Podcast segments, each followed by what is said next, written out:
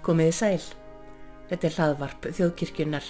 Ég heiti Artis Björg Áskistóttir og í þessum þætti ætlum við að kynna okkur hátíðasöngva Sýra Bjarnar Þorstessonar. Sýra Bjarni var fættir á mel í Hraunreppi á Mýrum 14. oktober árið 1861.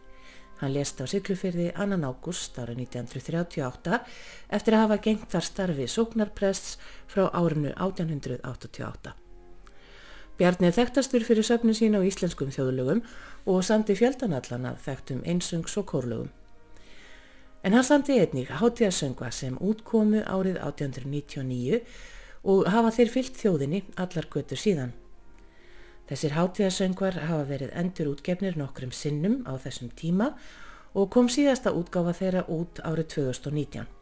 Árið 2014 kom út geisladiskur með hátíðasöngunum þar sem Eithóringi Jónsson organisti leikur með einsöngurunum Pétri Húna Björnssoni og Helinu G. Bjarnadóttur og Kór Dalvíkukirkju undir stjórn Hlínar Torfadóttur og hljóma brot af þeim geisladiski hér í þættinum.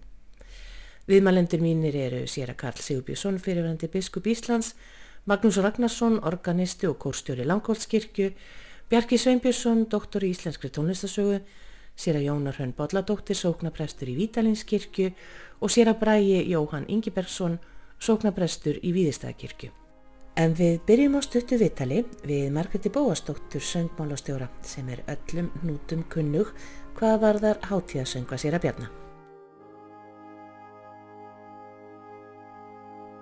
Já, Margret, um, Íslendingar og Íslenska þjóðin Hversu svona breiðan aðgang hefur hún haft af átíðasöngunum hans Bjarnar eh, frá því þegar voru gefnir út? Sko hann gefur þetta út á eigin kostnað 1899 og síðan er það 1926, þá kemur önnur útgáfa, þá bætir hann aðeins við og þá skrifar hann formála og þá kemur fram að útgáfan sé að því að hún, þetta hafi orðið svo vinsælt.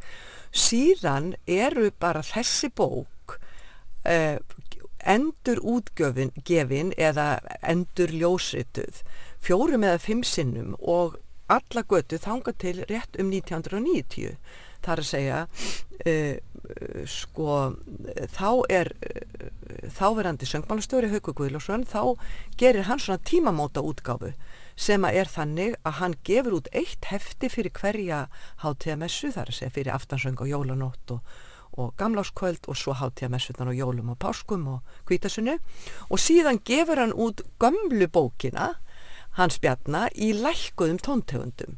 Þannig að það vankast nú aldilis hagur uh, kórana og prestana við þessa útgáfu og hún hefur svo verið uh, bara notuð allar göttur síðan.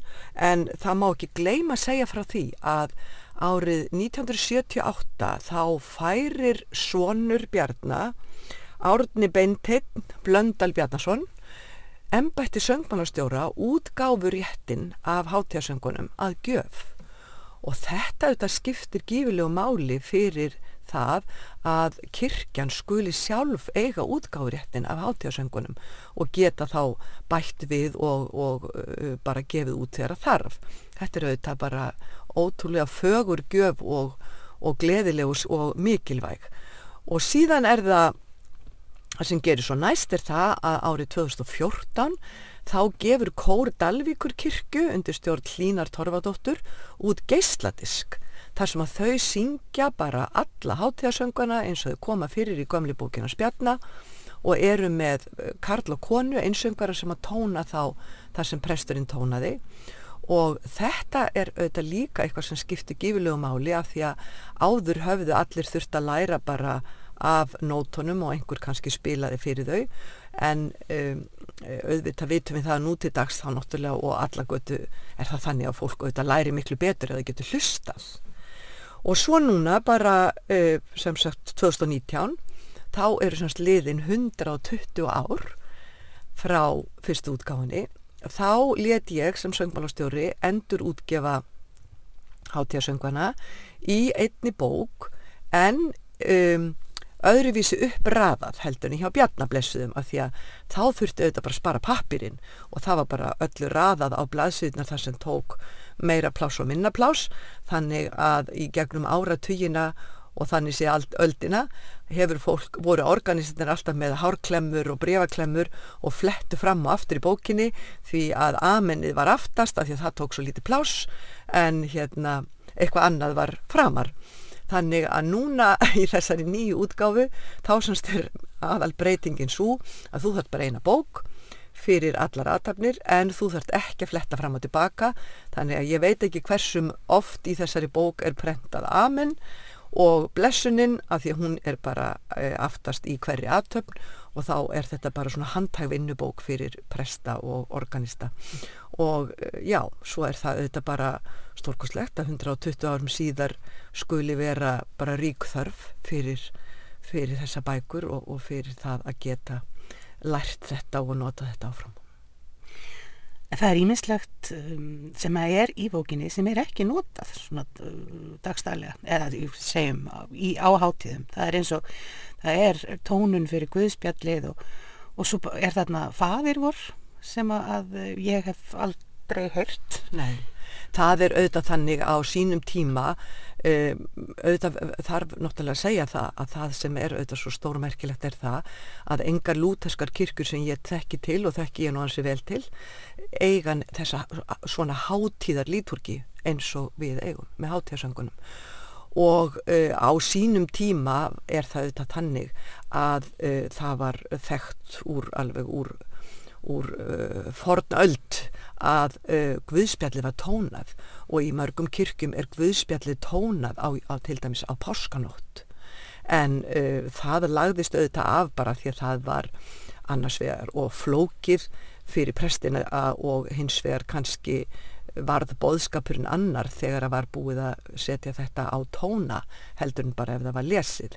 Nú, fadirvorið var líka tónað vegna þess að það þótti auðvitað bara mjög hátilegt og þetta er á þeim tíma þegar að það var ekkit ætlast til þess að, að söpnuðurinn væri eitthvað að hafa fadirvor með prestinum. Hann gerði það bara sjálfur. E, þetta hefur allt breyst og svo er konar nýja biblíuþýðingar þannig að, að það er auðvitað ímislegt sem er batsins tíma og auðvitað má líka segja það að messuformið, það er auðvitað allt annað þegar að Bjarni semur hátjársönguna, þá til dæmis er engin miskunarbæn í messu. Og þessi útgáfa sem að Hauke Guðlásson gaf út, hún setti miskunarbæn eða svona ígildi miskunarbænar sem að kem er eitt þáttur úr lítaníu Bjarnar Þorstenssonar sem hefur auðvitað líka verið oflítið fjallaðum að því það er guðdómlegur bænasöngur og vikslsöngur millir prests og kórs sem er hugsaður sérstaklega fyrir förstu daginn langa. En uh, það er tekin sem sagt uh, svona miskunar bænar þáttur úr lítaníunni og settur inn í hátíðamessu til þess að messan falli að formi klassískra messu sem að var komið á í Íslensku kirkjunni með nýri handbók 1982.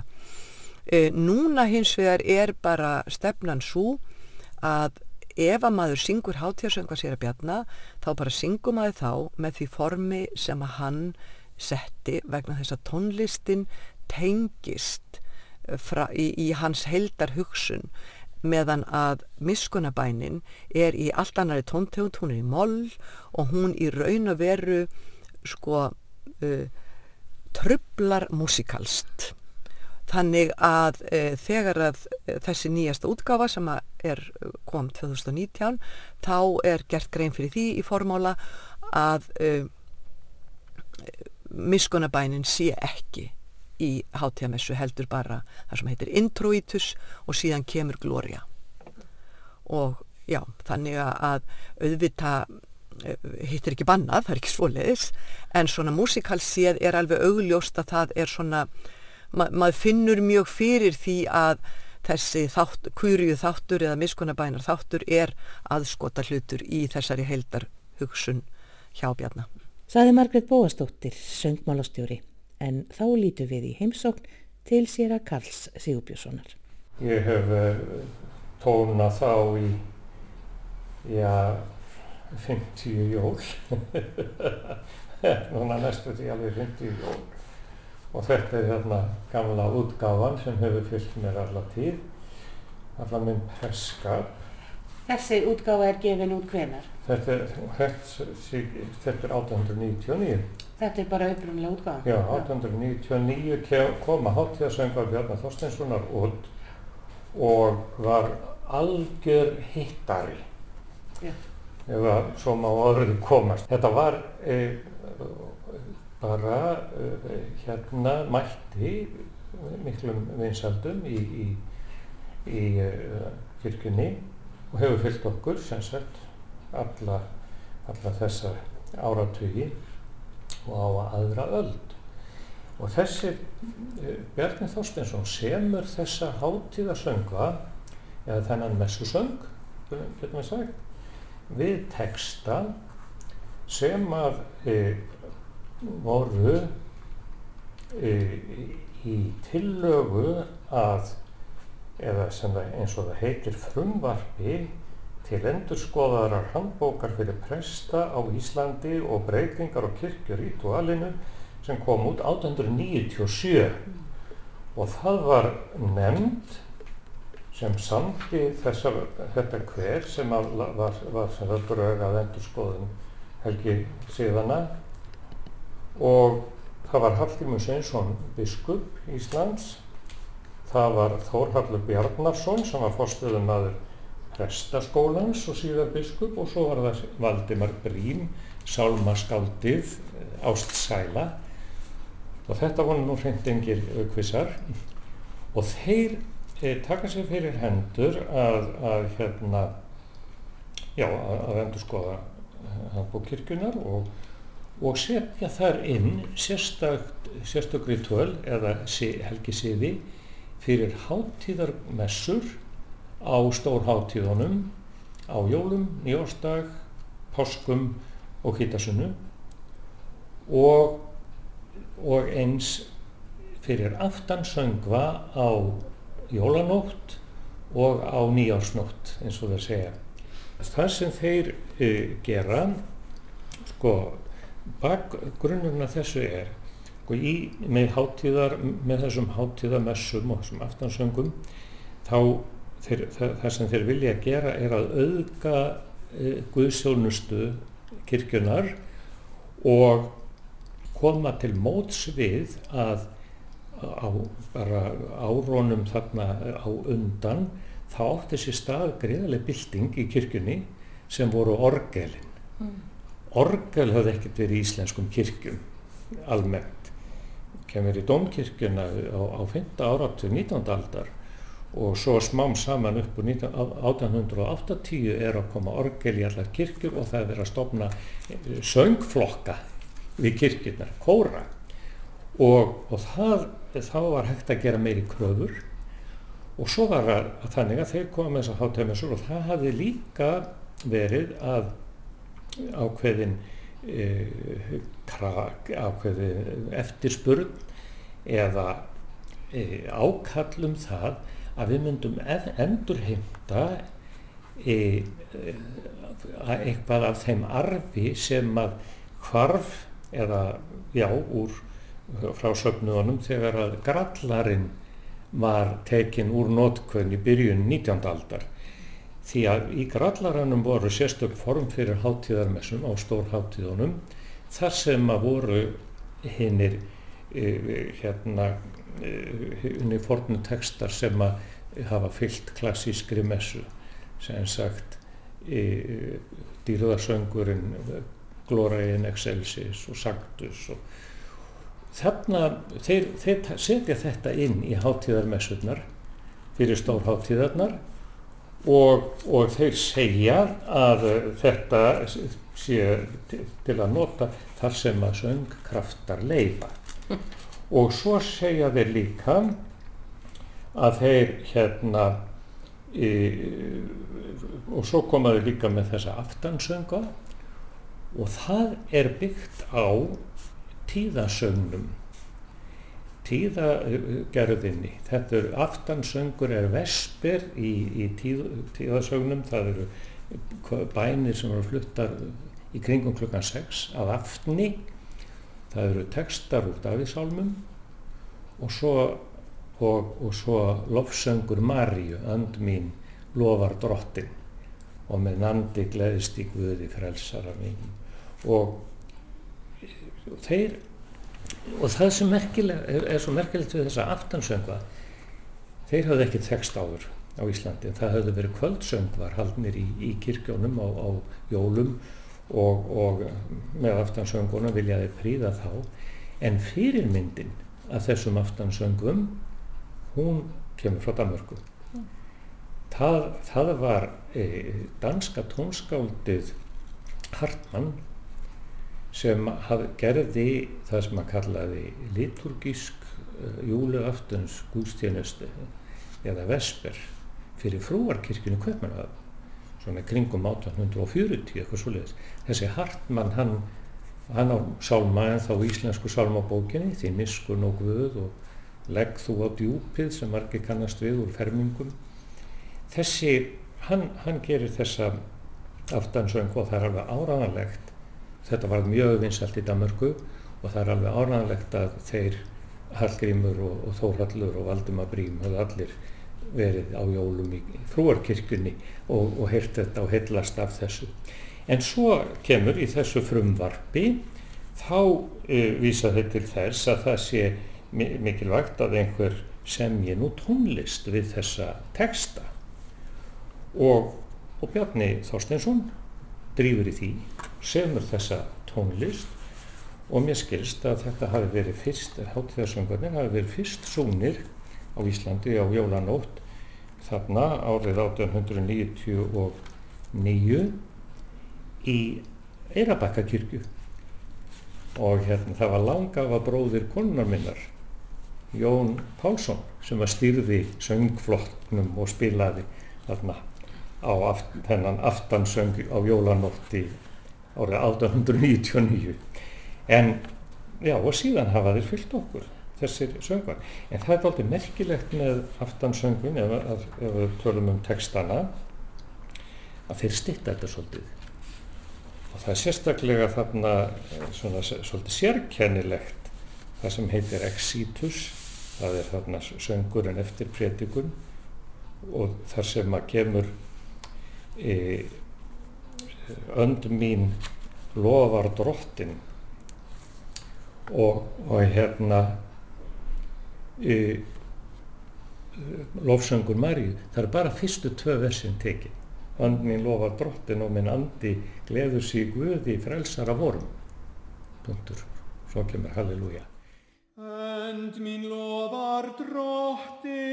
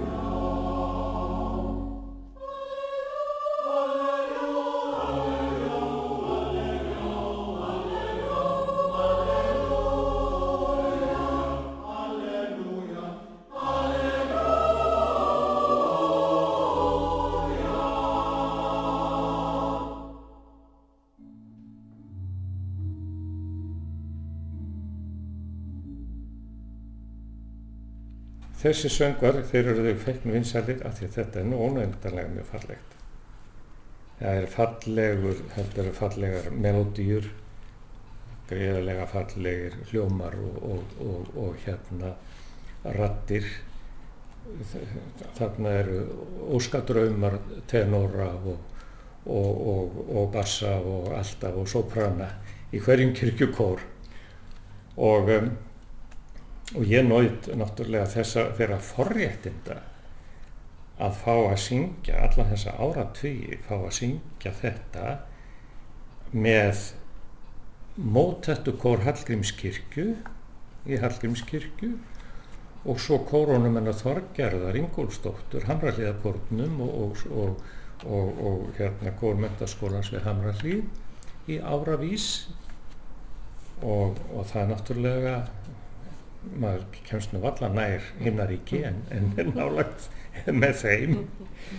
En eh, hitt er annað mála þó þessi draumur e, söngvaranna og kannski organistana þá eh, get ég ekki neyta því að þetta er stundum margtröð pressins því að þetta gerir ótrúlega kröfur til prestsins og þeir e, e, seg, sko, segja það þarna í frumvarpinu og, og það hefur nú síðan verið að sko leikmenn geti nú sungið mest af því sem að þarna er ætlað prestunum fyrir utan blessunina og blessunin e, það að, að hérna hefja upp raustina og, og vera vissum að geta hitt á réttan tón og komist í þær hæðir sem að Bjarni Þorstensson e, setur manni fyrir í, í þessum, þessum söngum.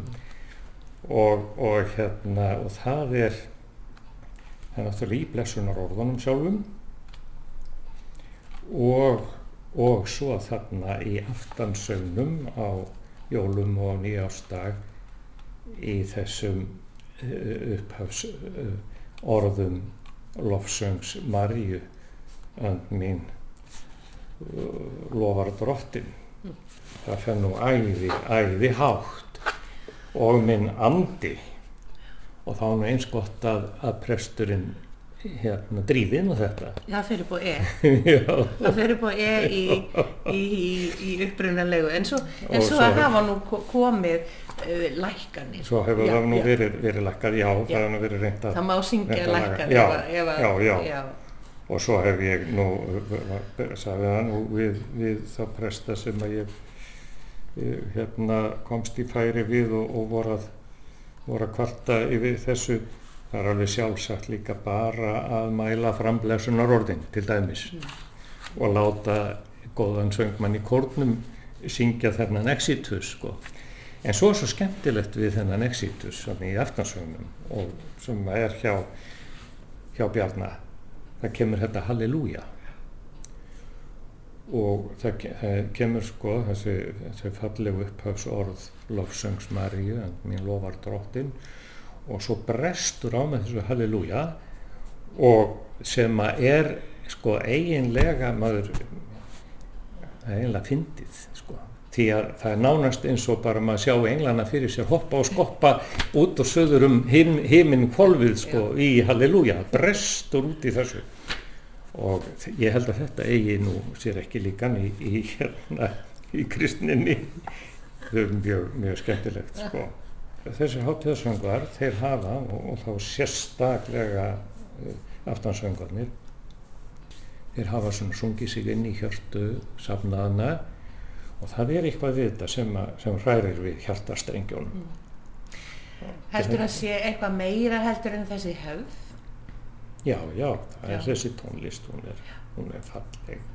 Þetta er óskaplega romantíst og, og hérna, og það var nú þannig sko að á mínu unga árum, á, á sjönda áratugnum, þá var svolítið and, mikið andof gegn romantíkinni og þessari dönsku romantík. Og, og hérna þá var reynd að, að svolítið að kveða það niður og og hérna það var talað um að þetta væri óttalega væmið og, og, og bombastíst sko. og það getur vel verið en, en það er samt eitthvað við þetta sem að, sem að hérna, Kom það einhver tíma til tals að taka þetta út? nei ég veit að sko nei, nei, ég held að það komst enginn upp með það Nei. nei, nei. En, en það var eins og sko, sko sá frábæri maður uh, Dr. Robert A. Ottoson, sögmálastjóri kirkjunar, hann, hann, hann var nú ekkert sérlega hrifin að þessu og vildi, vildi frekar að, að, að það veri farið í, í aðra, aðra átt og hérna uh, og maður svona hrefst svolítið með þessu, hann var mjög samfærandi og náttúrulega svona sprenglarður músikmaður en, en það komst ekkert upp með þetta Nei, þetta, maður fólk bara vildi fá þetta já. og það er eitthvað bara í þessu sem að er jólin Og vill fá Og- sína hoppandi engla í skíunum í halleluja. bara fá þessa hoppandi og skoppandi og fagnandi engla, það er bara þannig Já.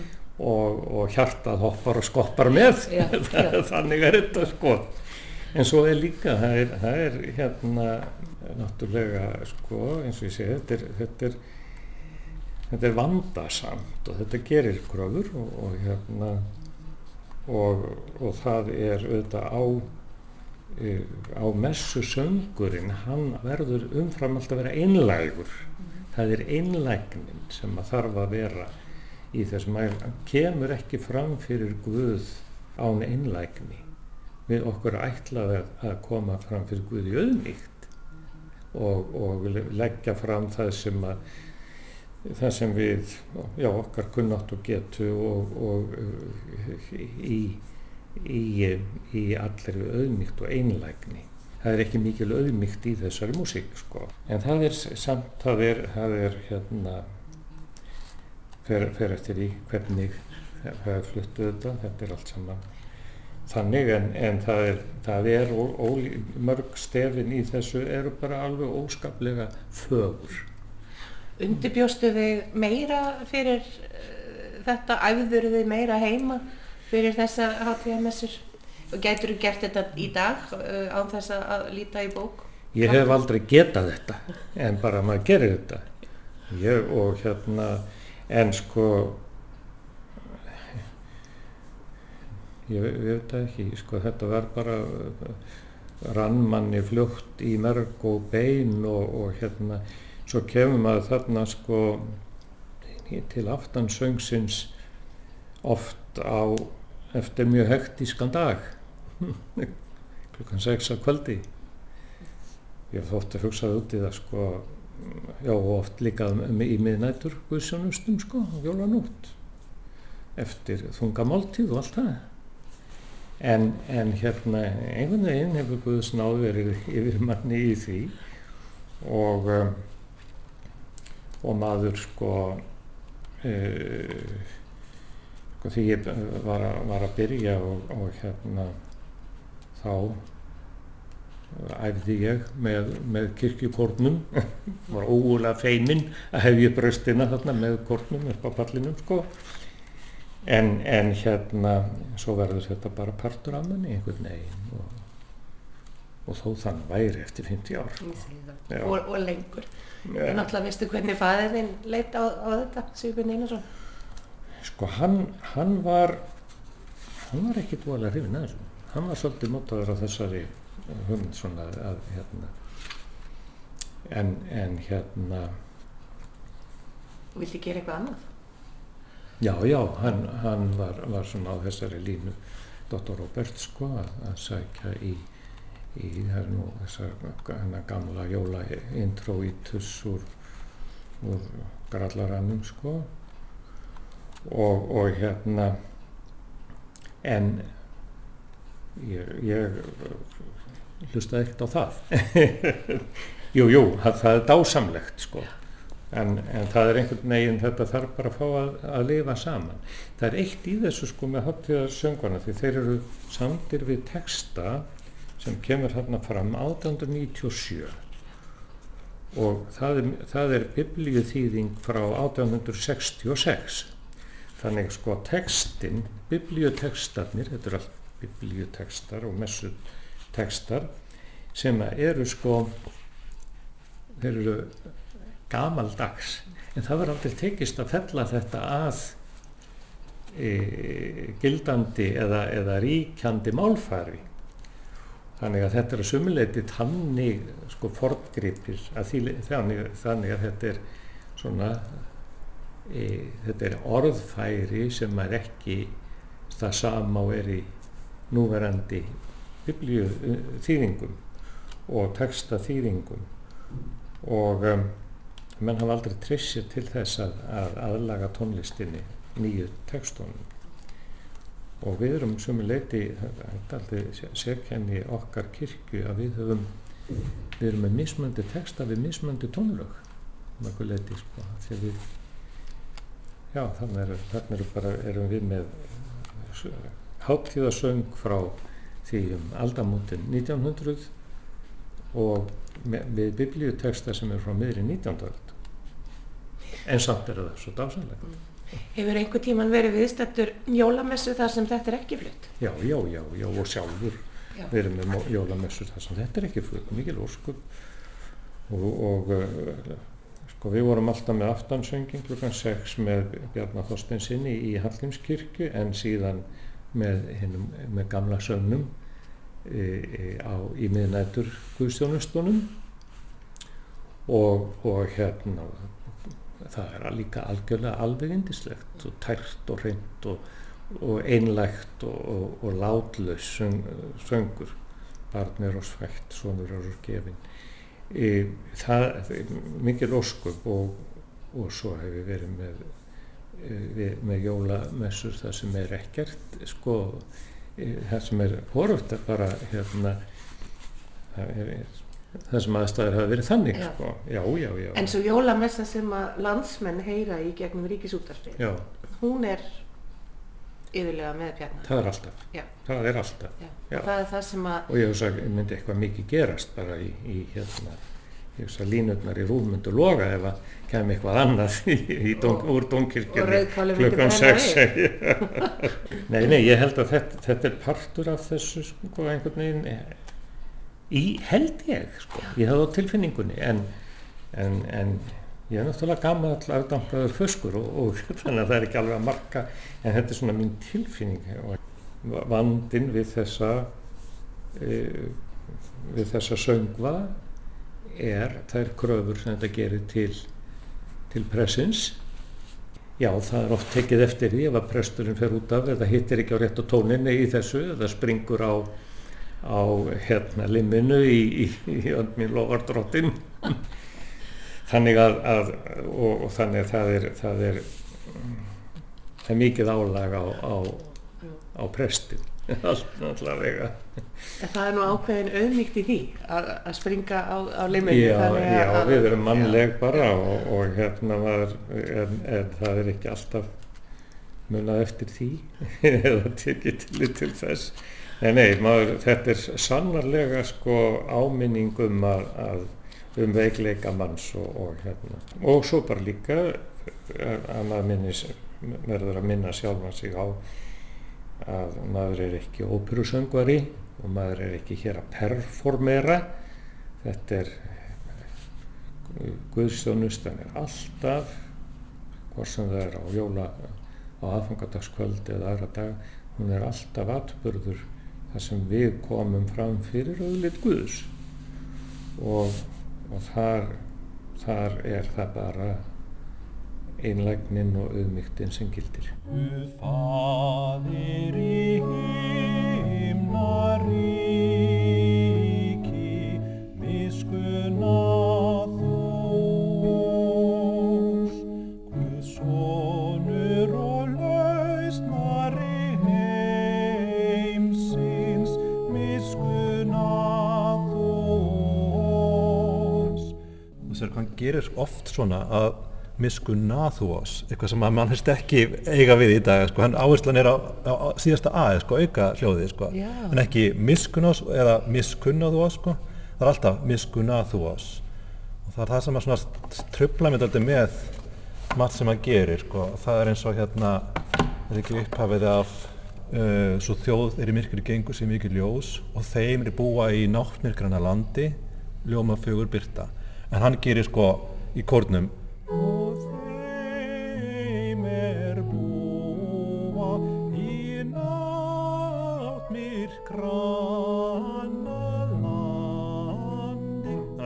á máttmyrkranna sko en ekki sko maður segir sko náttmyrkrana áslun er alltaf á fyrsta atkvæði íslensku einmitt. en hann gerir þetta svona mjög víða að hérna, kemur áslun á svona auka atkvæði sko allir þetta hafi verið með ráðum gert eða kannski var þetta bara lenskan eða eitthvað sko. Já. ég, já, ég, eða bara vankunni þetta veist. hann er svona mjög merkilegt með hann Bjarnar hann hérna, er grunlega rosalega klár uh, elst upp í mikill fátækt um, og er eiginlega bara sjálfmentaður í tónlist. Og þetta er kannski ekki mikil tónlist tónlistar yfkun þessum tíma. Það er hvað Jón Lagstall er að semja og Sveinbjörn Sveinbjörnsson og svona sko. En Bjarni semur og þú miða við það þá er þetta rosalega vel gert sko. En svona að maður horfir þetta með nútíma augum sko þá er svona margt sem að hérna, ég finnst að svona áherslu sérstaklega sem að maður ekki alveg passa og stundum finnst mér vanta meira svona stefnu í, í tónlistana mér kannski mætti vera meira svona grípandi semt sko. Mhm. hérna, þetta er intro þetta sem gamláskvöld það, mér líka sko, það kemur sko hérna, lofa sér nafni drottins hérðinni frá að eilífu svo syngur kórin frá sólarinu uppgöngu allt er hennar niðurgöngu. Það er gert svona sko. Frá sólarinnar uppgöngu,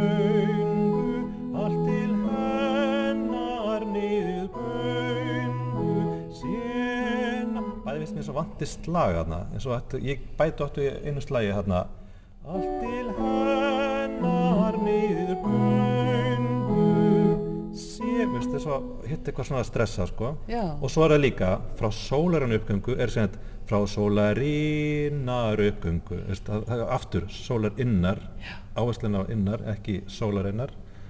Og hann er að gera sólarinnar uppgöngu það kemur sem sagt sólarinnar uppgöngu og lætur tónlistina fara niður sko, en ekki upp sko Ein, einmitt, já. sem að svona eh, maður myndi gera í já, svona flest læri tónskáld myndi svona gera það frekar Já, akkurat.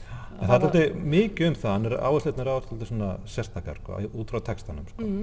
en það er svona viss sjarmi yfir þessu sko. Þetta er svona rýma mjög vel við það sem að maður heyri frá Nóri og hérna Danmörku í þessum svona orgelverkum og kórverkum frá þessum tíma sko, sem er alltaf svona sveitalegt og, og sætt sko.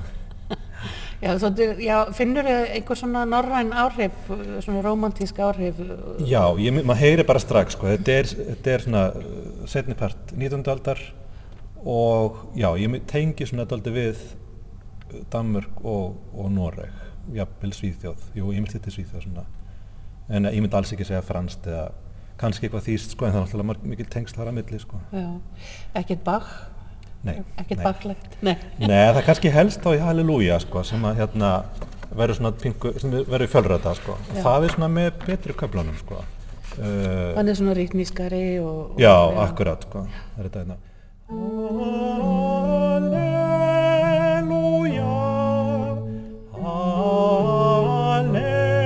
halleluja, Halleluja, halleluja, svo heldur áfram hérna fyrir á móti öðrum, Já. sko. Svo kemur eins og við vorum að tala um á hann þetta, hérna, halleluja, halleluja, halleluja, halleluja, halleluja, hérna svona smá svara móti, sko.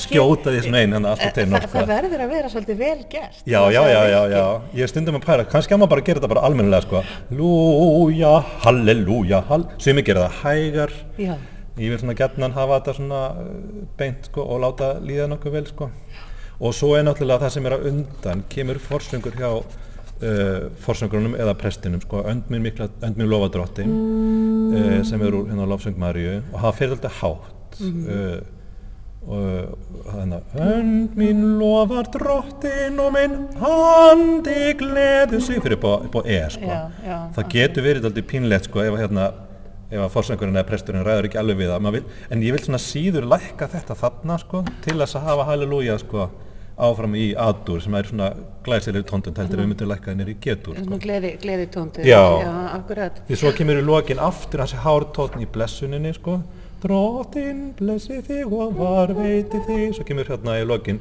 Drottin aftur upp á E upplifti sín augliti og aftur upp á yfir þig og það er lítið mála að lækka það sko þann hluta sko Já.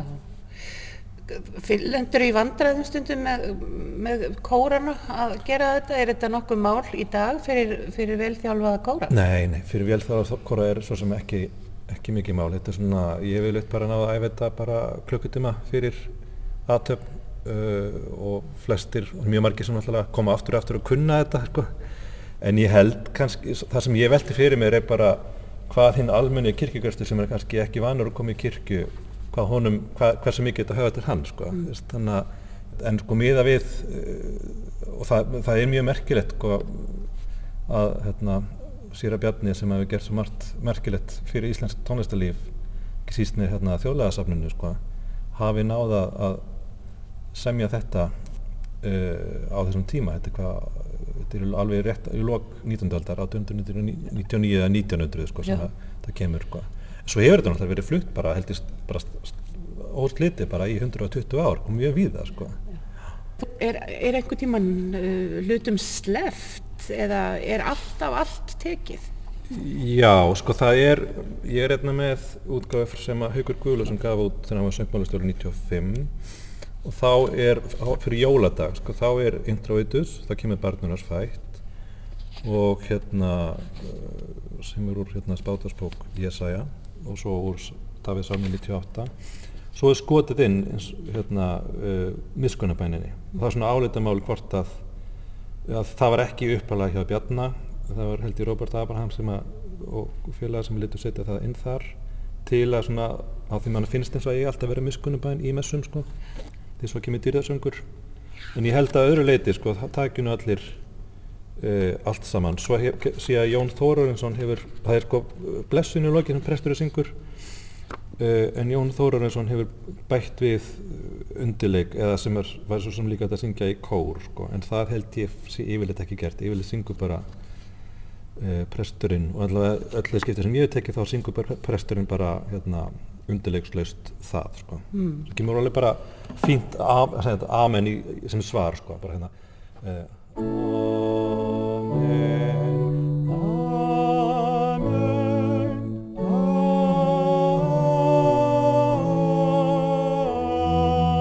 Amen.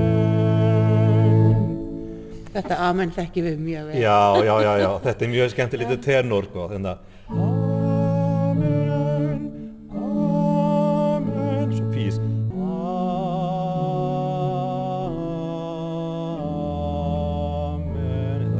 upp á, físinu, sko Já, þetta er mjög fallegt. já, já, Falleg fínt. rættsetning. Já, já, En hún akkurat. er þá eftir Jón, uh, Nei, nei, nei, þetta er, Þetta er- þetta er Bjarni? Já, svarið er eftir Bjarna, en það sem, það sem hérna, prestur syngur sem Drottin blessi þig og varðveiti þig, þá hefur hérna, hann, Jón Þórarinsson, samið undirleik við það, sko. Drottin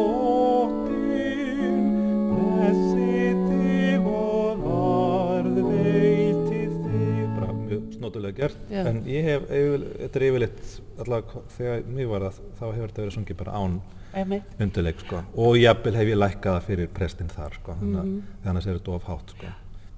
En heldur, heldur að fólk myndi ekki sakna þess að... ég að- voga mér ekki að taka þetta í burtu að fanga þetta sko. Skal ég segja sko?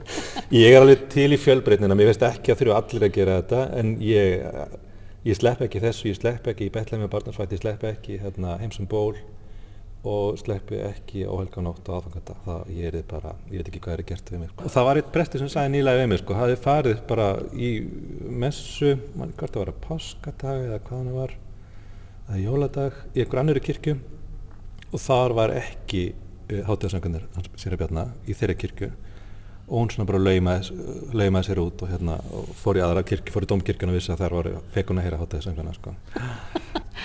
En ég sko, svona kenning mín væri, ef þetta skildi hafa leið í þögn í hundrað ár, þetta verið flutt af Bjarna á Siglufyrði og svo verið grafið upp, þá er ekkert vissum að fólk myndi endilega flytja þetta svona mikið eins og er gert núna, sko. Þetta er svona mikið, snýst mikið til um hefð, sko. Ég get skilir, sko, að á sínu tíma hafi þetta verið mjög uh, flott og hérna grand, sko, og, og svona mikið tilbreytning og, og hérna, og það er eins og í, hérna, í byrjuninu á aftarsöng fyrir aðfangadag þá kemur þessi texti svo þjóð er í myrkri gengur sem mikið ljós og svo kórin svarar og þeim er búið í náttmyrkunar á landi ljómar fögur byrta og ég veldi fyrir mér sko þá sem koma svona ferskir inn og er ekki vanur að að þekki kannski ekki mikið til kirkjunar og biblíunar kannski átt ekki á hvað þetta þýðir þessi texti sko.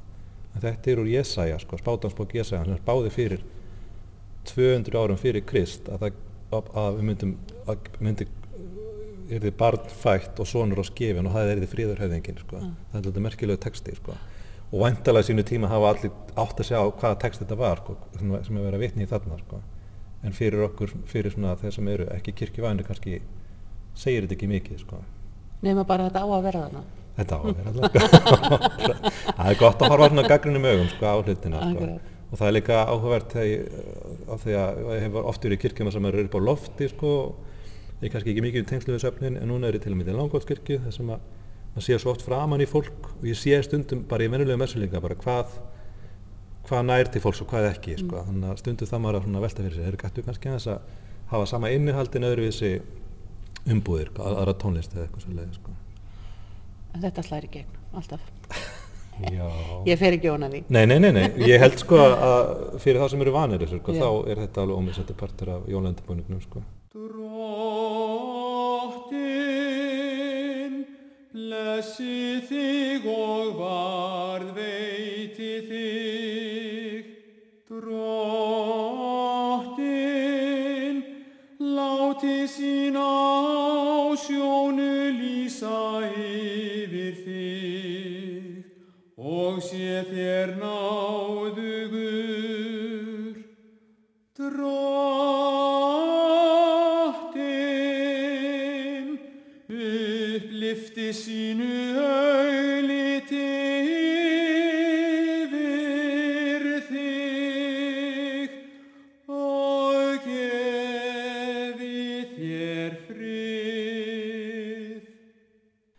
Hrönn Bolladóttir, um, manst þú eitthvað hvernig svona þú kynntist þessum SSöngum fyrst? Er það ekki bara svona eins og allir, bara í messun á jólunum þegar þú varst lítill? Jú, uh, og kannski aðeins meir en það því að ég er alveg upp á pressetri í Laufós Vegafjörð og faði minn var prestur þar í mörg ár og, og svo vikslu biskup á hólum, svo hann söng mikið tón og hérna hafði mjög fagra tenorrödd þannig að ég ólst upp við það að, að hátíðarsöngu Bjarnar Þorstinssonar voru sungnir óaðfinnilega í minni barnæsku og, og þegar ég var 14 ára þá vantaði alltrödd í kirkjukórin í Laufáskirkju og, og pappi plantaði mér þar inn í alltröddina með Marsebil Siguradóttur á grund sem var alveg óskaplega góður allt og, og fullarinn kona og söngi eirun á mér og, og reyndi að kenna mér að, að syngja allt hátíðatónið öll svörin í, í alltröddinni gekk ekkert sérlega vel. Ég hafði, sko, ég hafði mjög gaman að vera með þessu fólki en ég, ég, ég er ekki kórakona og hérna þannig að, að það, ég var bara um tíma í kórnum en það var verið að reyna að retta svörunum, þetta að svara prestin malminlega Þannig ég er alveg fyrir þetta og fara alltaf með föðu mínum klukka fjögur aðfangadag og hann söng hátíðatónið í, í Svalbardskirkju. Og hérna það var klukkan fjögur að því menn þurftu svo að fara í fjós klukkan sex. Og hérna og svo var það að sungja í, í Grenivík, Grenivíku kirkju á, á jóladag klukkan tvö og svo var það sungið í Laufáskirkju á annan í jólu klukkan tvö og svo buðu mamma og pappi öllum í kaffi 70-80 manns að lokinu jólamessu. Ár eftir ár eftir ár eftir ár. Þannig að þannig voru mín jól. Þannig ég er mjög tengd þessu. E, og, og það er þannig með hátíðatónið að það er ekkit auðvelt fyrir hvern menn að syngja, þessa, uh, syngja þetta tón og, og nema þá sem eru bara mjög góðir sóbranar ég er til dæmis með allt rödd og, og ég þarf að syngja þetta svolítið lækkað. Og, og hérna og kannski vegna þess að ég er alveg upp fyrir þetta fallega, fallega söng þá finnst mér ég aldrei gera þetta nógu vel. Þannig að þegar að hátíðatónið sungi hér í mínu stóra prestakalli þá hef, er yfirleitt eh, einsöngvarar og ég bið þá að syngja allt það sem að e, forsöngvari má syngja. Þannig ég syng bara Guðspjalli og blessununa og kannski eitthvað eitthva eitt, tventi viðbútt á þeirra ein, einföldu ástæðu að þetta er svo först hefð og fólk á, þessa, á þetta í, í, í hugskoti sínu og, og ég vil gera allt til þess að þetta sé, sem hefur fegursta. Og ég á mjög svona flóknu sambandi við hátíðatónu því að stundum tekst mér að syngja ágætlega stundum hef ég sungið blessunar orðin alveg dásamlega og stundum herfilega. Þannig að hérna þetta já, ég á í svolítið flóknu sambandi en mér finnst hátíðatónu ofbóðslega fallegt og, og ég myndi ekki missa það út og ég vil freka fá bara svona stuðning og hjálp við það heldur hún að taka það út úr helgihaldinu. En svo er það líka, ég man eftir á líka ógleimalegt moment, það var á annan í jólum í Laufaskirkja Jakob Jónsson, gamall eh, organisti sem þá var gamall organisti þegar ég var e, úrlingur hann kemur frá Akureyri á, í glerhálku keiranda á sapnum sínum og, og hérna og bara pappi var bara á bæn sko, að- að gamli maður keiri ekki út af og svo var hátíðatónu allt sem var sungið og hann var orðinn áttræður þegar þetta var og svo endar pappi messun að syngja tónið nei, syngja blessununa og þegar að hann er búinn að syngja blessununa þá gefur hérna Jakob aftur innspili fyrir blessununa og, og pappi hallar sér svo fram að náttúrulega lítil kirkja við erum nú búin að syngja blessununa þá segir Jakob, nei, nei, var aftur að syngja þessa blessun og, og þá sagði pappi, það er aldrei of oft blessa og svo söng hann aftur, ég gleymis ekki þessum úlingum, mér fannst þetta svo fyndi og hérna, þannig að pappi sérst söng tvísors blessununa einu, e- eitt skipti fe- fengum við tvísors blessununa, ég man alveg eftir því sem barn sko, ég bara svona alveg beigð eftir því að myndi syngja blessun orðið því það var svo tilkom mikið og hann hafði afar, afar fallega rödd og sterka En söngan þá, uh, mess, tónaðan þá í öllum kirkjunum, uh, messu sönga bjarna. já, Já. á jólum og páskum Já. ekki Og hann fór, fór á milli ki- kirkna og, og, og þónaði þetta þá nokkru sinnum yfir hver, uh, hver, hver er hátíð. Já. Og við erum hérna á aðfangandag jólata alltaf með hátíðatón Bjarna og á gamláskvöld, aftan söng á gamláskvöld og en á nýjárstag tökum við bara Gregor. Þá fara allir svo seint að sofa. Mm. við þurfum að vakna svo snemma til að hýta brötin.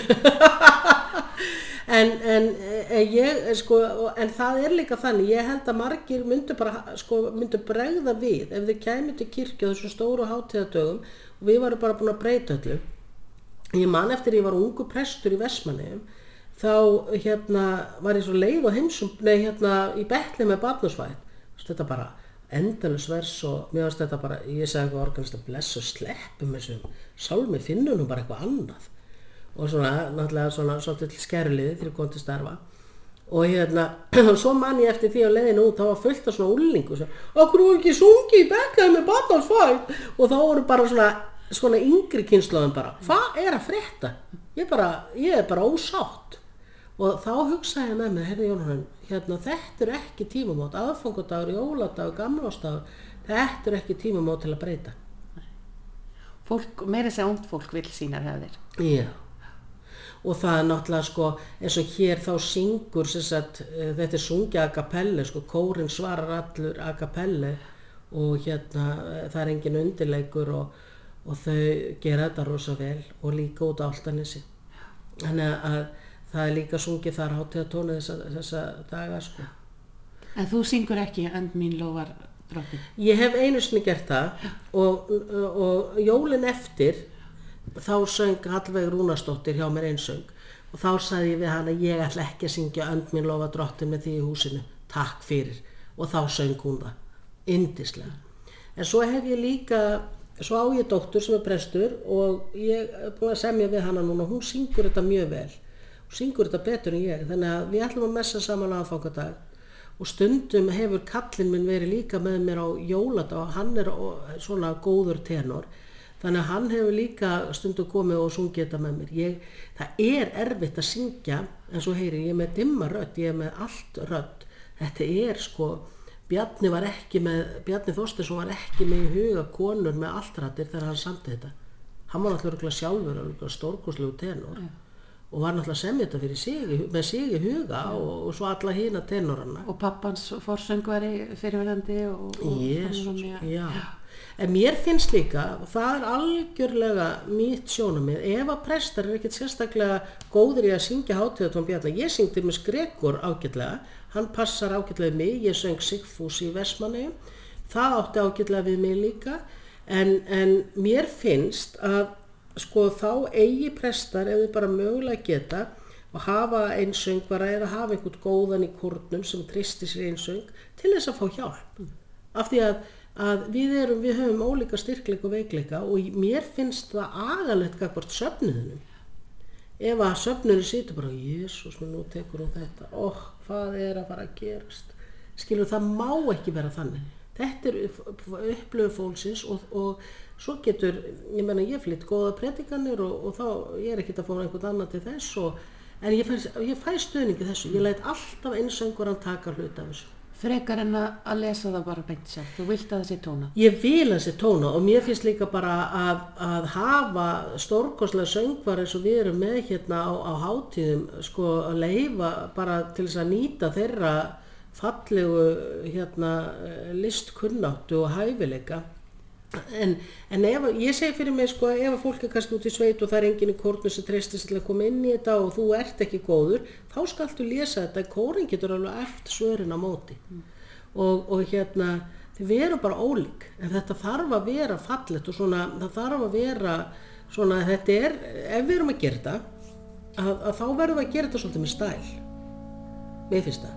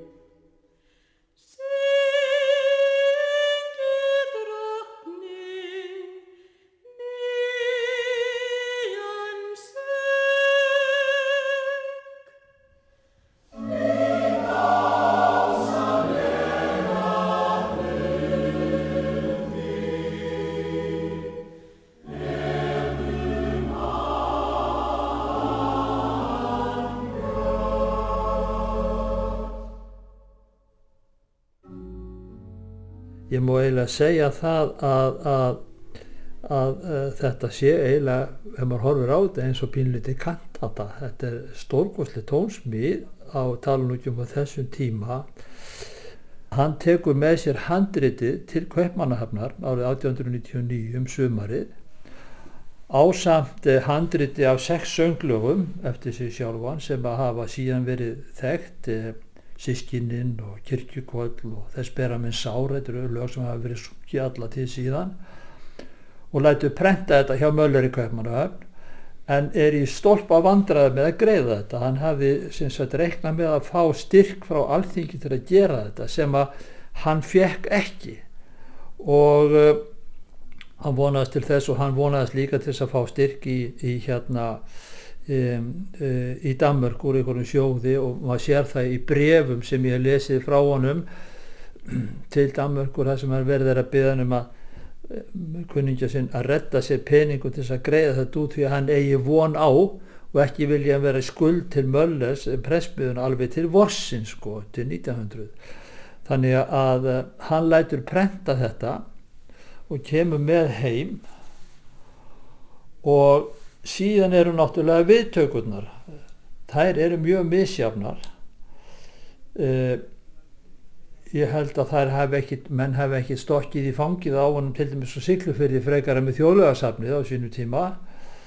Og, uh, og þetta svona smá dreifðist um landi uh, og menn voru smátt og smátt að taka þetta til sín en ekki af einni ástæðu heldur af þeirri ástæðu kannski aðalega að á þessum tíma er, uh, er að koma orgel í íslenska kirkjur og fólk er að byrja þar að koma yngra fólk og, og, og nokkri sem hefðu farið suður sem kallaði er og lært að spila orgel og höfðu heyrt fjölrætaðan söng, eitthvað annað heldur en fimmundasöng og þetta er, e, e, þetta, er, er, þetta er eitthvað sem að þarf að æfa þú tekur ekki bara sálmabók upp úr rassvasanum og umlar með organistanum í þínu hotni eða þínum bekk í kirkjunni eins og margi gerðu eða var gert heldur þurft að æfa þetta, þetta er prógram og þetta er ekki kannski sem að söfnuðurinn í sjálfu sér tók undir heldur var það kór sem að var að taka undir.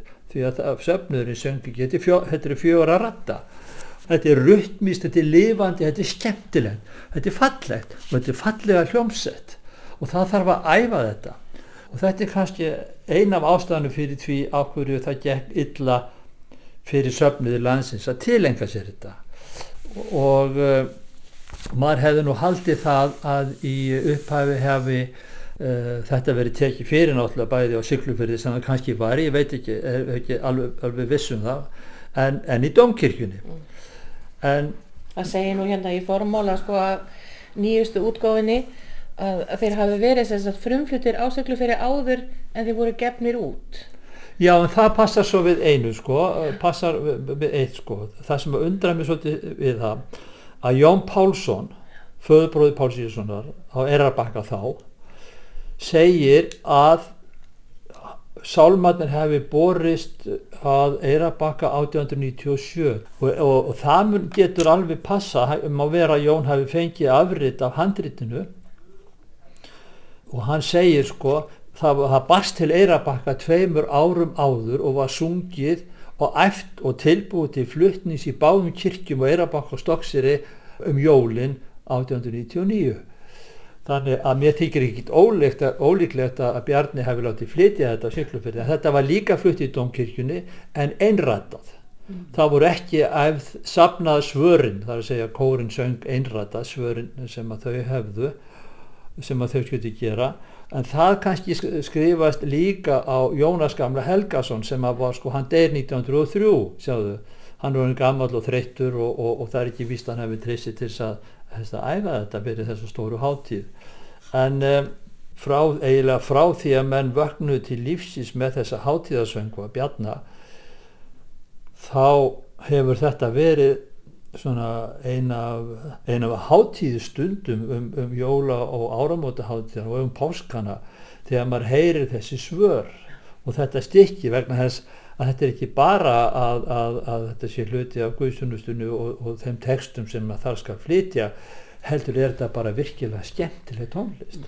Manni fannst það lifandi, manni fannst það uh, sko uh, viðeigandi að fá eitthvað nýtt inn í þetta ef ef að til dæmis ef við ímyndum okkur að þegar Eirabakka kirkja er uh, er, er, er víð árið 1890 sko, þá held ég hafi verið sunglir henni átján sálmar í messunni sko og ef við horfum til til dæmis uh, þeirra uh, þess, þess hluta að, að, að hraði í sálmasöng var ofta tíðum nánast í helmingi hægar heldur en við erum í dag og þá var ekki bara sungið fyrst og þriðja og fymta erindi heldur öll erindin.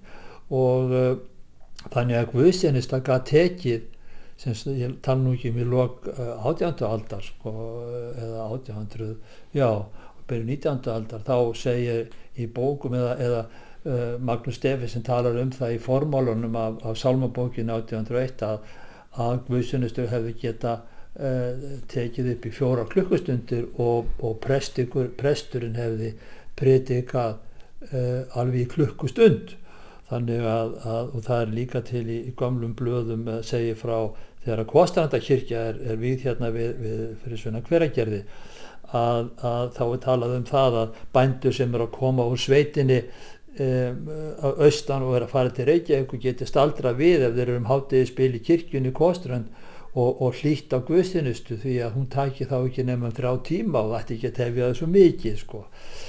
þannig að ef, við- ef við horfum á þetta sem sagt uh, lesin texta prestana og, og uh, sem sagt uh, trúalegu textu og samskiptu við söfnuðin og, og síðan þegar þú færð svona lifandi tónlist, svona skemmtilega fjölrata tónlist sem er rytmískjabul og svona þá, þá gat, uh, það er eins og það svona að, að, að, að kæmi einhver svona uh, músíkjörskur andi inn í Guðshúsið fannst manni sko og fannst þetta bara virkilega skemmtilegt sko. Og, og, og hérna þannig að ég held það að ég miði við það að, að þessi söngvar hafi lifað með okkur í yfir 120 ár hljóta eða þessi hátíðasöngvar hljóta að segja tölver til um uppleikið hvaða, hvaða, hvaða raunverulega var gott Akkur er Eirabakka kirkja? Eh, sem stóksveringur vilji nú að segja það að upphafa alls góðs í tónlistamálum er þar þorpunum við ströndina. Sem voru kallað á eirum sínum tíma.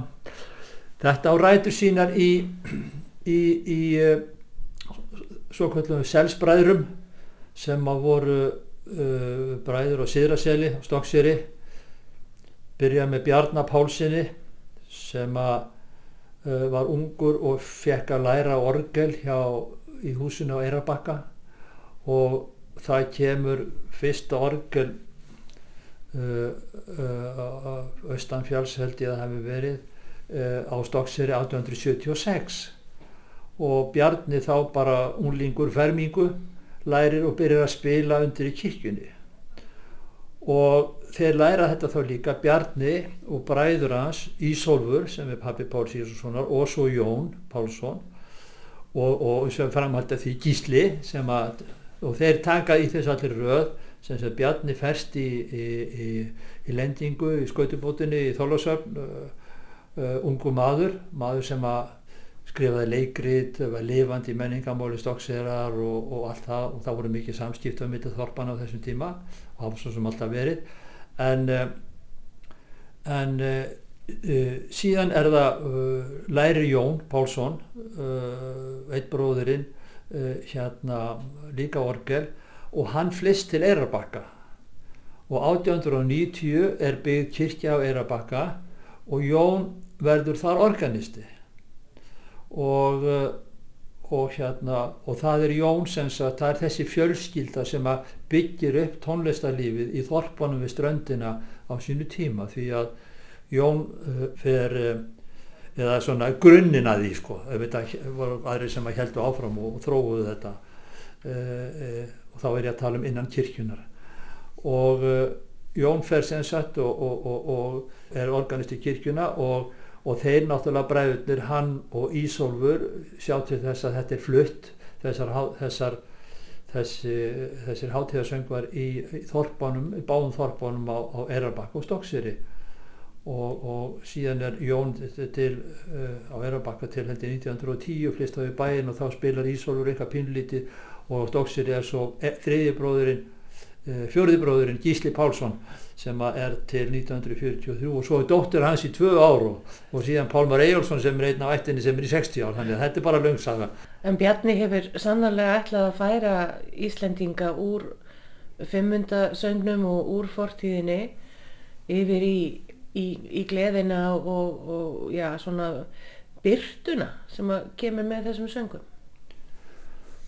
Já, hann vildi nú alls ekki færa það úr fimmundasöngum því að það sem hann gerir nú ekki annað en að safna fimmundasöngum meðal annars meðan alltaf þjóðlegu. En innan þessa kerfis, innan, sagt, uh, innan þess sem eru handbók presta sagt, uh, og, og, og, hérna, og svör kópsins eða safnaðarins á þessu tíma að þá vildi hann gera eitthvað í þeim málum og uh, hérna og og, og tókst svona vel til þannig að mörgum uh, þótti kirkjan fyllast dýrð þegar að þeir voru súnir sko, menn tók þetta til sín eins og ég kannski talaði um að, að, að mér finnst þetta hát, virkilega hátílega tónlist og, og líklega það hátílegasta sem að var til uh, hér á landi á þessum tíma mm.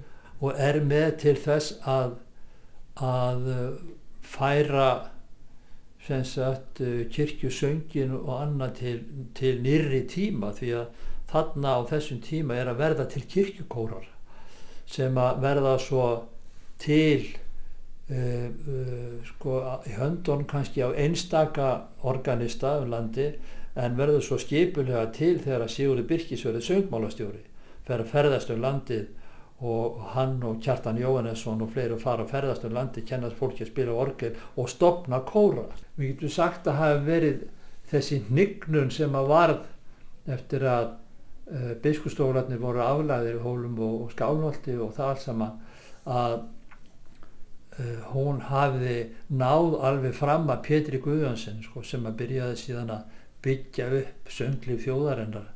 Þetta er, er, er eins og ég segi áhugaverð saga. Mm.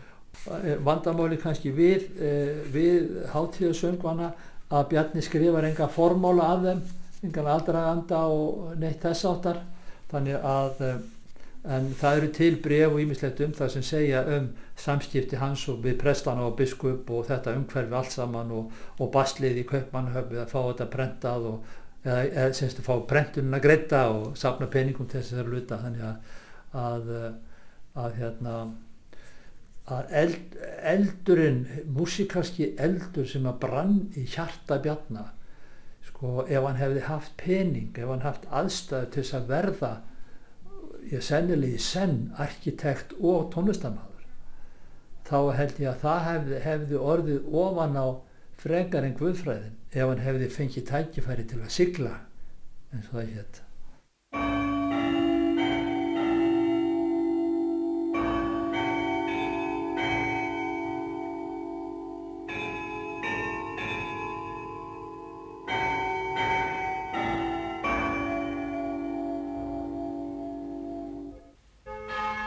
Já, Sýra Bræi, þú varst prestur á Siglufyrði í nokkur ár. Hvaða, hvaða ár voru það? Já, ég var prestur á Siglufyrði í 12 ár frá 1989 til 2001 þegar ég kom hingað til Hafnafjörðar. Hvernig upplifin var það? Að vera á Siglufyrði það var mjög góð upplifun. Eh, Við hérna eh, þekktum eiginlega eng á Siglufyrði þegar við komum þanga en Siglfyrðingar eru nú þannig að þeir taka alveg sérstaklega vel á móti aðkomum fólki og við upplifum það strax. Og sjálfsagt er það nú arfur frá síldarárunum því að þá kom svo margt fólk á Siglufjörð á þeim árum. Og, og þannig, að, þannig að fólk er mjög opið og tekur vel á móti aðkomum fólki og við fengum að njóta þess. Varstu strax var við um, að það væri svona að minning sér að Bjarna væri uh, svona höfði í heiðri? Já, maður fljótt, var fljótt var við það. Hann var náttúrulega á sinni tíð allt í öllu á Siglufyrði, eins konar leiðtói bæði andlegur og verandlegur og maður heyrði það nú fljótt að, að hann, hann var ennþá á þessum tíma stórt nafn í sögu bæjarins. Og vissulega var maður aðeins búin að undirbúa sig að maður koma, kynna sér söguna og annað. En, en hérna áhugavert að, að, að hérna, lesa einmitt æfisöguna sem þá var sko, hún hefur nú verið gefin út aftur. En, en hérna e, því þá áttaði maður svo svolítið á því hversu, hversu stór hann var í rauninni sér Bjarni og, og á Siglufyrði sérstaklega en, en vissulega út um all land líka. En hvernig byrtist þetta svona þér uh, á Siglufyrði? Ég er kannski fyrst og fremst í kirkjulegu starfi. Hann, hann, hann hérna hann uh, var nú kvata maður að byggingu Siglufjara kirkju uh, sem að var við 1932 og þetta er nú stór og mikil og falleg kirkja eina, eina fallir í kirkjum. Og hann, hann sem sagt var svona aðal kvata maðurinn af, af byggingu hennar og þjónaði henni þrjú fyrstu árin hann hætti störfum. 1935 og hafði þá starfað sem prestur í Siglufjörði í 47 ár og gerði aðri betur. En, en hérna svo komum við auðvitað að fljóta því að, að maður þurfti að geta sungið hattíðasönga sér að bjarna.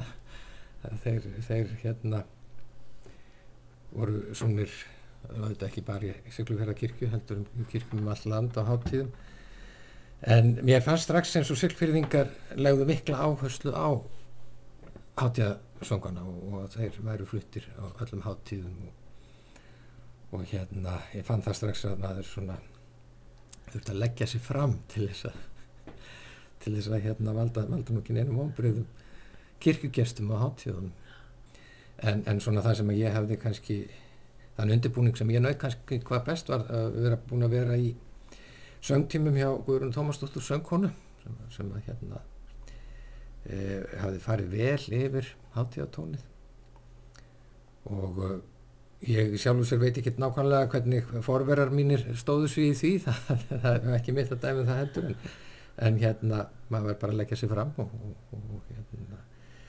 það reyndi ég að gera. Og tókst þér vel upp? Fjækstu þakkir fyrir? Já, það er svo sem ekki mitt að dæmi um það, jú, jú, ég fekk alveg þakki fyrir það og, og hérna, uh, fyrst þú spyrir að því, þá, þá hérna er nú einn skemmtileg saga sem mér finnst, ég hef einhvers sem ekkit sagt mikið frá því, en, en uh, það var sennilega eftir páskamessu, uh, þá 1990, þá hafði ég sungið hátíð á tónið á jólunum með þetta, en það var líka sungið á páskum, páskamessan klokkan 8 á mótnana, og uh, við vorum með kaffi eftir messuna í safnaðarheimilinu og ég sitt þar við borð á samt fleirum. Og meðal annars uh, fullonum manni eh, sem að þá hefur verið komin eitthvað á áttræðisaldur sem var svona eitt af síðustu fermingabötnum sér að bjanna og myndi vel eftir honum og, og hafði alltaf farið í kirkju á háttíðum og, og myndi vel eftir í hvernig bjarni tónaði. Og hann sagði við mig þessi orð eh, sér bræði það það verður enginn geta tónað hátíðasönga sér að bjarna síðan hann tónaði þá sjálfur. Það verður enginn prestur eh, geta það síðan. Þannig að mér þetta brá mikið en svo bætta mig fyrir en að þú komst. Þannig að ég var náttúrulega óskup ánaður með þessi, þessi orð og ég er nokkuð vissum að hann ætlaði sér ekkert að gera lítið úr öðrum kollegum. Það- það- þarna sem að voru á undan en, en, en hérna en ég tók þetta bara sem góðu hóli og, og svona kvartning fyrir mig bara að gera enn betur En þú ert sem sagt mikill söngmaður. Já, ég hef gaman að syngja skulum við segja og Já. hef, jú, jú, ágætt, ágætt, sungmaður held ég Voru klukkurnar þá farnar að ringja kirkjukól þegar þú varst? Já, já, já, já, Og það er á hverjum degi, já, klukkan sex hverjum degi. klukkan sex á hverjum degi. Já, já, Þannig að ef maður kemur í bæinn til Siglufjörðar þá það, það fer ekkit fram hjá manni. Það, maður heyrir tóna uh, sér að bjarna bara klukkan sex. já, já, já, já, já, já, Kirkjukóll, eitt, eitt af hans svona þekktari lögum, hann gerði þetta þekkt sönglög líka og, og var í rauninni kannski eitt þekktasta og vinsalasta tónskáld Íslendinga í upphafi 20. aldarinnar, sko, að fyrir hluta 20. aldarinnar og það, það er náttúrulega mörg mjög fallið lög sem hann samti og kannski sérstaklega á Siglufyrði það, það, þar gleymir fólk honum ekki og, og hérna þar sögurnar varðveita svona eh, og, og, og líka meðal yngri kynnslóða og það eru auðvitað margs konar sögurnar hann var allt í öllu og hérna hann var í bæjarpolítikinu hann byggði raunin upp bæinn skipulaðan og hann var svo mikilvægur í rauninni í, í hérna stjórn bæjarins að, að fyrir eina kostningarnar að þá voru tveir listar í, í, í hérna frambóði og, og hann var í efstu sætum á báðum listum til þess að eða nú tryggt að hann, hann kæmist að svo mikilvægur var hann og auðvitað talaði um einmitt hversu góður söngmaður hann var og þau hjónin bæði líka Sigriður Blöndal, kona hans var var mjög góð og leitt yfilt söng í, í kirkjunni Og spilaði orgel. og spilaði já, Já, já. já. E, nú eh, þær voru svo sem ekkert allar jákvæðar sögurnar að sér að bjarna en, en e, ég ætla nú ekki að fara að segja neitt neitt hérna að rifja upp einhverjar, einhverjar neikvæðar sögur í þessu spjalli Hann hefur kannski verið of stór fyrir suma. já, getur, það kannski má segja það Já. það hefur verið já. Já. En, en hann er hann er hérna oft kallaður faðir sigluferðar og má alveg alveg segja það hann, hann, hann stendur alveg undir því. Og hann hugsaði auðvitað allt öðruvísi en margur á þessum tíma. Maður sér það á skipulagi bæjarins að, að það var auðvitað ekki mikil byggðin þegar hann kemur þarna en, en svo byggist hann rætt upp á síldarárunum og, og hann skipulaði bæinurinn og, og, og ef maður horfir á skipulagið þá er, eru gödundar þannig uppteiknaðar að, að það eru í beinum línum svona ólíkt því sem að var kannski í bæjum á þessum tíma þar sem að húsin stóðu bara hingað og þangað. Og ég held hann hafi verið svona í, í svo mörgu sem hann gerði. Eins og með hátíðarsöngvan og, og tónlist sem hann samti að, að þetta er vandað. Nú var hann ekki mentaður tónlistamæður svona sjálfmentaður en samti samt uh, þessa ótrúlegu hátíðarsönga sem að sem að hérna hafa fyllt okkur í 120 ár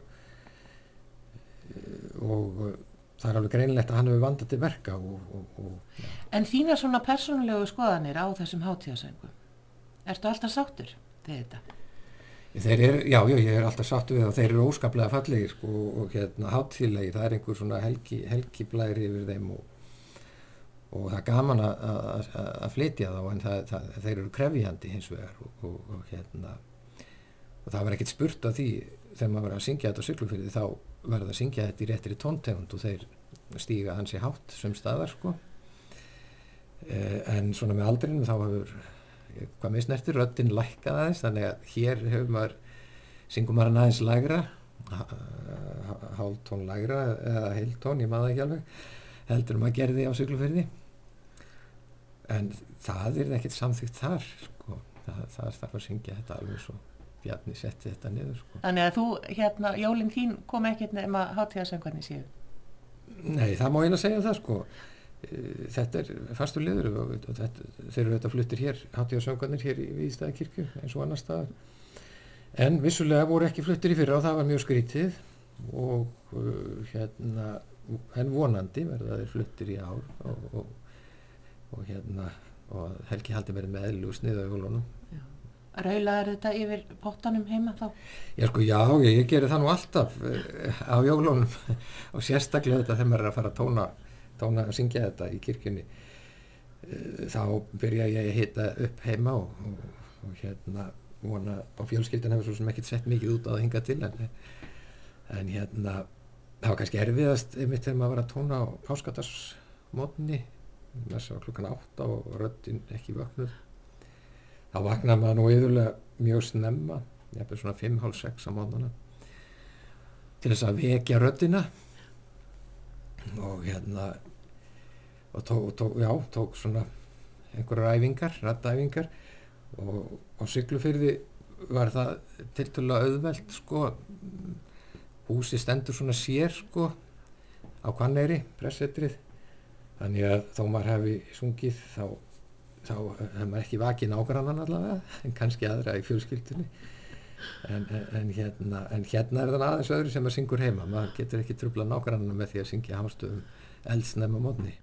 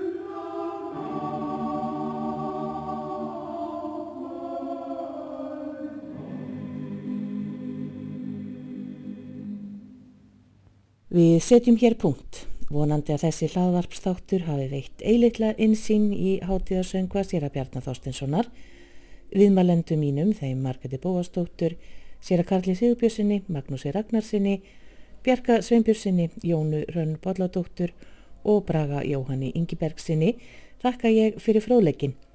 Við endum þetta á lægi Bjarnaði Ljóð Guðmundar Guðmundssonar skólaskálds Kirkjukvoll í flutningi Karla Kors Reykjavíkur. Ég þakka ykkur fyrir að hlusta, verið þið sæl.